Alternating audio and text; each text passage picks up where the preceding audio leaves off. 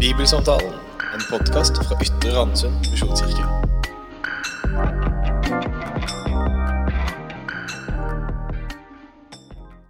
Nåde være med dere og fred fra Gud vår Far og Herren Jesus Kristus.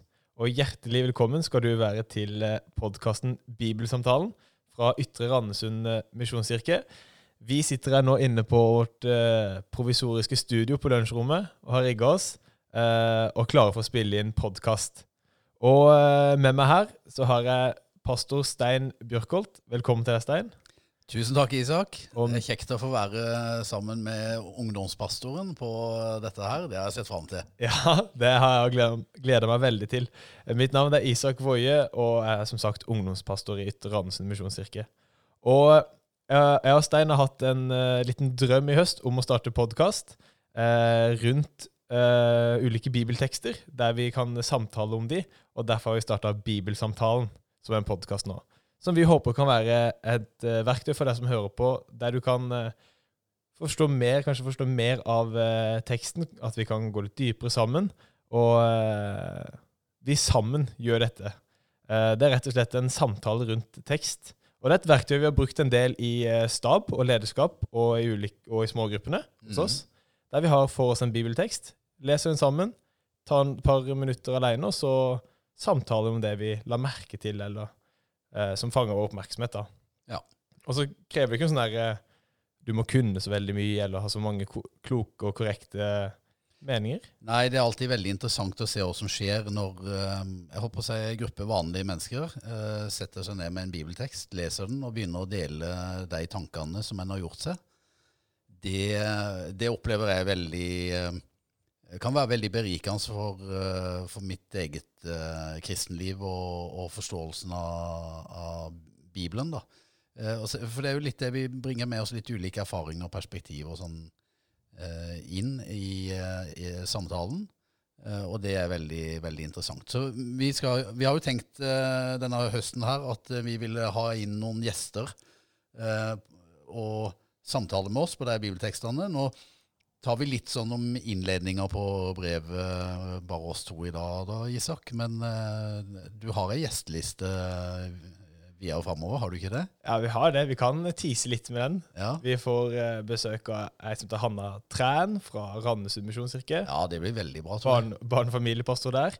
Vi har Bjørn Øyvind Fjell, som har vært eh, rektor på Ansgar-skolen, som eh, skal komme innom. Ja. Og eh, vi har eh, Ingrid Eskilt, mangeårig lærer på Ansgar-skolen, som også skal komme innom. Og sy Syver, John Yngvar Syvertsen, for å nevne noen som skal inn og samtale rundt ulike tekster. Masse visdom på vei inn dørene her, hører jeg. Ja, det, de står og banker på allerede nå.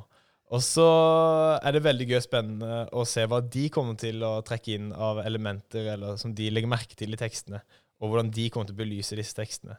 Og uh, rollefordelinga er jo at uh, jeg er litt programleder. Stein, du er litt sånn uh, teolog og kunnskapsbanken sjøl, og så er gjestene også en form for det. Ja, først og fremst gjestene, tenker Først og jeg. fremst gjestene. så, så stiller vi spørsmål og snakker sammen rundt det som skjer. Og i høst så har vi som menighet brukt tid i Efeserbrevet. Og det er dette brevet vi skal bruke tid i denne podkasten nå, i disse første eh, tolv episodene, blir det vel. Mm. Eh, og denne første episoden blir en intro-episode som eh, Stein snakka om. Og eh, hvis du ikke har lest Efeserbrevet, så kan vi bare begynne med en anbefaling av det. Mm. Det tar 16 minutter å lese gjennom brevet. På høytlesning, til og med. Ja. Så det er, det er en veldig overkommelig oppgave, sånn sett. Langt fra det lengste brevet i eh, Bibelen, Mm. eh, men veldig, veldig innholdsrikt, og berører eh, ja, mange av hovedtemaene i den kristne trua og det kristne livet. Da. Eh, Så det, på mange måter så har Paulus han har, han har liksom han har, det, er en eh, god sånn eh, presentasjon av hovedtrekka ved, ved kristendommen. Ja, det er, vil si at romerbrev ofte er en sånn eh, oppsummering, eller Paulus har samla teologien sin der. Mm. Og så kan man si at Efeserbrevet er en sånn litt mindre, kortere versjon Mm. av rombrevet. Det kan en Eh, godt tenke. Det kan godt tenke. Men- og det er mye fellesstoff med, med mange av de andre eh, bibel- eller breva som vi har av Paulus i Nytestamentet, og f.eks. Eh, Kolossebrevet. det er noen som hevder at eh, så mye som en tredjedel av, av Efeserbrevet er um, likt. Iallfall sånn i, i, i tematikk og, og Eller sånn um, Ikke akkurat ord for ord, men, uh, men likevel uh, i, i sitt innhold. da. Eh, veldig, veldig likt på, på det som nå står i Kolosserbrevet. Mm. Men hvis du, Vi skal nå dykke inn i brevet, eller ha litt sånn om, om brevet. Og hvis du skal begynne et sted, hvor vil du begynne en da? Eh, for at vi skal forstå mer kontekst rundt Efeserbrevet og innholdet i Efeserbrevet. Ja, Efeserbrevet det, det har jo fått navn da etter, eh, etter en by. Mm. Eh, og etter en by som eh, lå på vestkysten av det som er dagens Tyrkia. Em, og som eh, på den tida, når dette ble skrevet, var en eh, stor og betydelig by. Altså den ble regna for å være kanskje den tredje største, iallfall blant de fire største byene i Romerriket.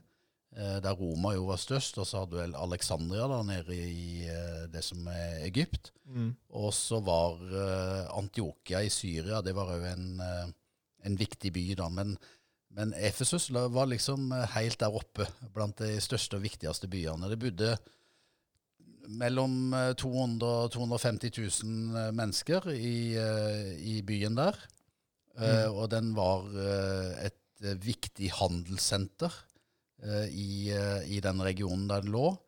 Eh, og det var jo et eh, viktig religiøst senter. Altså et av eh, oldtidas underverker eh, lå jo i eh, Efesus, som var eh, Artemis-tempelet. Eh, Ja. så, så byen var jo veldig kjent for det, og òg for eh, betydelig eh, skal vi si eh, Altså eh, religionsutøvelse, der de Mm. dyrka eh, mange av de romerske og greske gudene. Ja. Artemis var vel uh, gudinne for eh, død og fruktbarhet, eller et eller annet sånt. Ja. Veldig sånn uh... hadde sin uh, altså parallell vel i Diana, som Mm. det het hos, blant romerne. da. Mm. Og hvilken relasjon er det Paulus da har til denne byen og menighetene der? Ja, han kom jo dit på besøk under ei av sine misjonsreiser. Altså I Apostlenes gjerninger i Det nye testamentet så kan vi jo lese om eh, flere av reisene som Paulus gjorde. Eh, og det er jo beskrevet som eh, tre ulike misjonsreiser. Og så eh, da den siste reisa til slutt, som gikk til, til Roma, da vi jo antar at han eh, til slutt endte, endte livet sitt. Mm. Men ehm, den første gangen som vi i hvert fall hører at, eh, at Paulus da er i, i Efesos, er vel på den, eh, eh, den andre misjonsreisa. Eh, og da kommer han dit etter at han først har vært i Korint. Og etter at han har stoppa inne hos, hos frisøren i Kenkre. For det står han var innom der før han kom til Efesos, og der klippa han håret sitt. Ja, det gjør det? Ja, han gjorde det. Fine detaljer han med. Ja, det, eh, antagelig så, han, så kløpte han håret fordi at han tidligere kanskje hadde avgitt et eller annet slags løfte. Eh, som Mm. han, eh, og at han ikke skulle eh, da kanskje klippe håret før det løftet var innfridd, eller eh, ja, eh, et eller annet uh, sånt Mm. iallfall. Um, men så kom han til Efesos, da. og- der uh, møtte han eh, noen av de lokale jødene. Det var, det var en betydelig jødisk befolkning i, i byen. En regna med 5-10% av befolkningen, altså 10 20 25 000 mennesker Mm. som var jøder, som bodde der. Og Paulus, som var jøde sjøl, han møtte jo noen av dem. Og det står i Bibelen i Apostelens gjerninger at han førte samtale med jødene. da. Eh, Og dette syntes de var eh, så interessant at eh, de ba han om å bli der lenger. Men på den andre misjonsreisa da, så, så sa Paulus nei til det. Og Da står det i Apostlenes gjerninger at han tok farvel med dem. Så sa han òg til dem at men om Gud vil, kommer jeg til, til deg en annen gang. Mm. Um, og det skjedde faktisk ikke så altfor lenge etterpå. For når han la ut på det som da er kjent som den tredje misjonsreisa, så kom han på nytt til byen. Og det kan vi lese om i Apostlenes gjerninger, kapittel 19.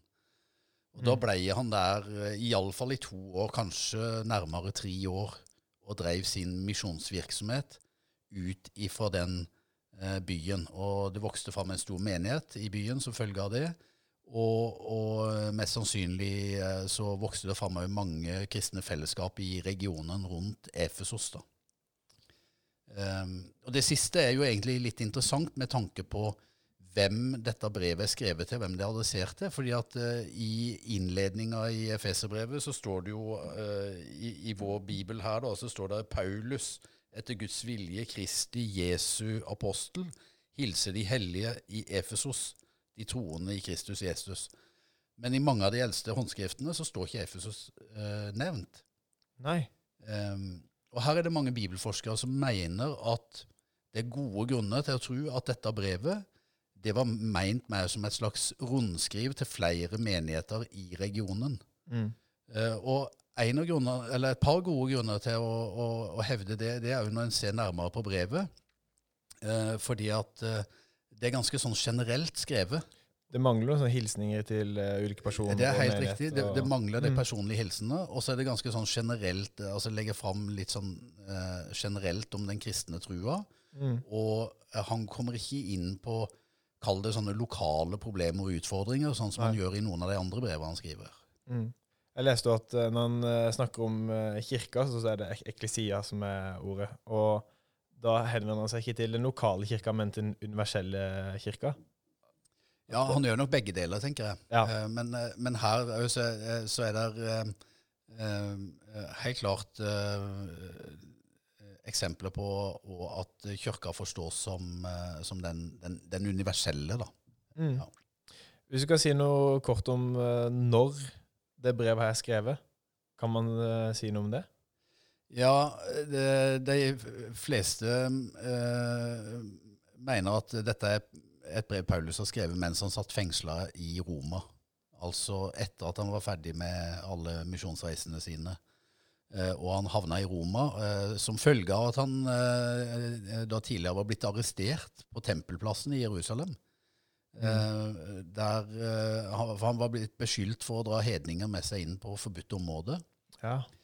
Eh, og nå skal jeg ikke dra hele den historien der nå, det kan du jo lese om i Apostlenes eh, gjerninger. Eh, eh, og, eh, men, men som en følge av alt dette her, så ble han ført fra Jerusalem til Cesarea og landshøvding Fel Felix, der han, når han da sto framfor han og måtte forklare seg, så anka han saken sin til keiseren, noe han kunne gjøre fordi han nå var romersk borger. Eh, og eh, på den måten så havna Paulus da i Roma og, og i, eh, i, i- fangenskap der.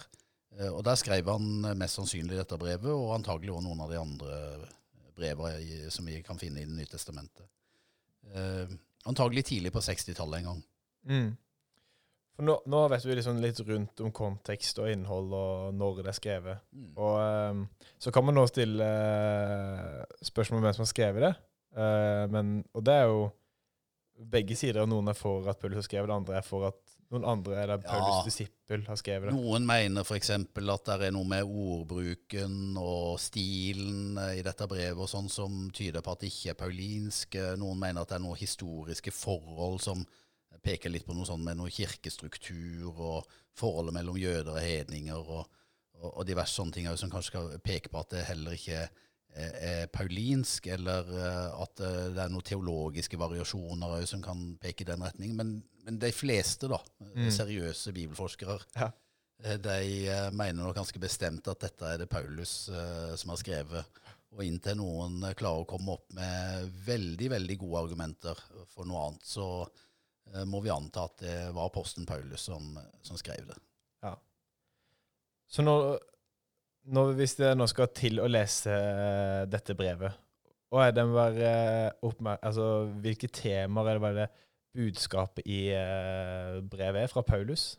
Hva er det han vil si Ja. i menigheten i Efsos, og kanskje også i dag? Som, eh, ja, for, som en liten hjelp til oss å få litt oversikt da, Mhm. og overblikk over Efeserbrevet, eh, så tenker jeg at, eh, at det er, er viktig å legge merke til at det har, det har to tydelige hoveddeler.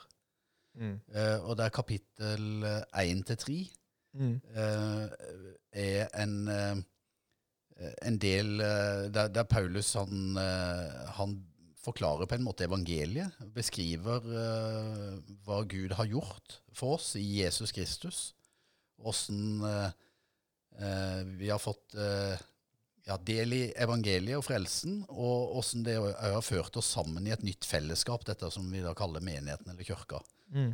Eh, og så er jo da den andre delen, som er fra kap kapittel fire og utover, eh, handler i hovedsak om eh, åssen dette evangeliet da er tenkt å påvirke hele livet vårt, livsførselen vår. Eh, ja. Så, så, det er en sånn enkel inndeling da, av mm. Efeserbrevet. Ja, og så er det, det er en del bønner her òg. Uh, mm. Det begynner med en bønn eller lovprisning. Uh, og så er det noen som argumenterer for at det er flere bønnere med noen uh, oppbrudd der han skriver, eller en innskudd, på en måte. Ja. Faktisk så går det an å tenke at i kapittel 1 så begynner det med en lovprisning. Mm. Og så går det over til en, at Paulus ber for efeserne fra vers 15 og utover. Mm. Eh, og noen vil mene at eh, den bønnen den strekker seg videre innover i, og i eh, kapittel 2. Eh, og så eh, eh, Og langt inn da i, i kapittel 3. Litt sånn avbrutt av, av, noen tanker Paulus deler der om, om det oppdraget han har fått av Gud da, til å forkynne evangeliet nettopp for, for hedningene. Mm. Så det er en todeling, og det er en del uh, bønn. Og så har det en sånn generell karakter, for det handler om hva frelsen er, hva den betyr for fellesskap og for mitt liv. Mm. Uh, er det noen flere ting du vil trekke fram om innholdet og budskapet i uh, eh, FS-brevet? Um, der er jo et der, der, her er flere kjennetegn da, i, i Efeserbrevet, men eh, et kjennetegn som jeg tenker òg, er, er, jo denne her, og tydelig framme denne, denne åndelige dimensjonen, på en måte. Mm. Eh, og, og med, med, diverse åndsmakter og krefter og ehm, eh, den, den, åndsvirkeligheten da, eh, mm. som, som, eh, som, vi befinner oss i, den er, den er ganske interessant å lese om slik Paulus framstiller dette i, eh, i Efeserbrevet. Mm. Og det er jo eh, det vi snakka mye om, at det skal vi glede oss til å snakke om. Om denne åndelige dimensjonen. og ja, Det kommer vi nok til å komme inn på flere ganger i, ja. i de podkastene framover. Uh. Hvis vi skal oppsummere brevet da, i uh, kort, hva, hva, kan vi si litt sånn til avslutning om hva brevet handler om? Ja, som en oppsummering så eh, kan vi kanskje peke til det som eh, Daryl Bock eh, skriver. Vi har jo jobba litt med, med, den kommentaren hans eh, i, i, i, staben vår. Eller iallfall alle i staben har, har fått den boka. Ja, fått boka. alle har lest den, det skal, det skal ikke jeg si. Men vi, alle har iallfall fått den. Og, jeg har lest noe. Og Bock, han, han sier jo litt sånn i sin oppsummering da, at uh, Efeserbrevet uh, det fungerte som, opprinnelig som en formaning til kirkene i regionen rundt Efesos. da. Og der, der, Paulus skriver om hva frelse er for noe, og hva en som skal gjøre da, som følge av denne frelsen en har fått, fått del i. Han, han sier at brevet snakker om Eh, hvilke, hvilken retning kirka som fellesskap er kalt til å gå i. Og, og samtidig så, så, minner han om at Gud i sin nåde allerede har gitt kirka alt det den trenger for nettopp å gå i den retningen. Eh, og eh, helt sentralt er, står da budskapet om, om forsoning, åssen vi er kalt til å være ett mm. eh, som eh, Guds folk. Og eh, åssen eh, vi òg har eh, blitt utrusta til å, eh, å, tjene andre, da. Så det er et veldig spennende brev. Rikt og innholdsrikt. Mange, mange kjente bibelvers òg, sånn som dette her av 'Nåde er dere frelst', f.eks. Det er det mange som kjenner til. Så her er det mye snadder som ligger foran oss. Mye bra å ta tak i. Ja. Og så er det litt sånn Språket kan være stort og svulstig og voldsomt, men man må ikke la seg skremme eller stoppe av det. Jeg tror Jo mer vi bruker tid på teksten, jo mer forståelig blir den. Det er i hvert fall min erfaring fra når vi jobba med det i høst, i stab og lederskap. Så vi håper at uh, du som hører på, vil fortsette å være med oss i uh, samtalene framover, der vi skal dykke inn i de ulike avsnittene i FS-brevet eh, som kommer. Så håper vi at du blir med på reisen, og så høres vi ved en seinere anledning.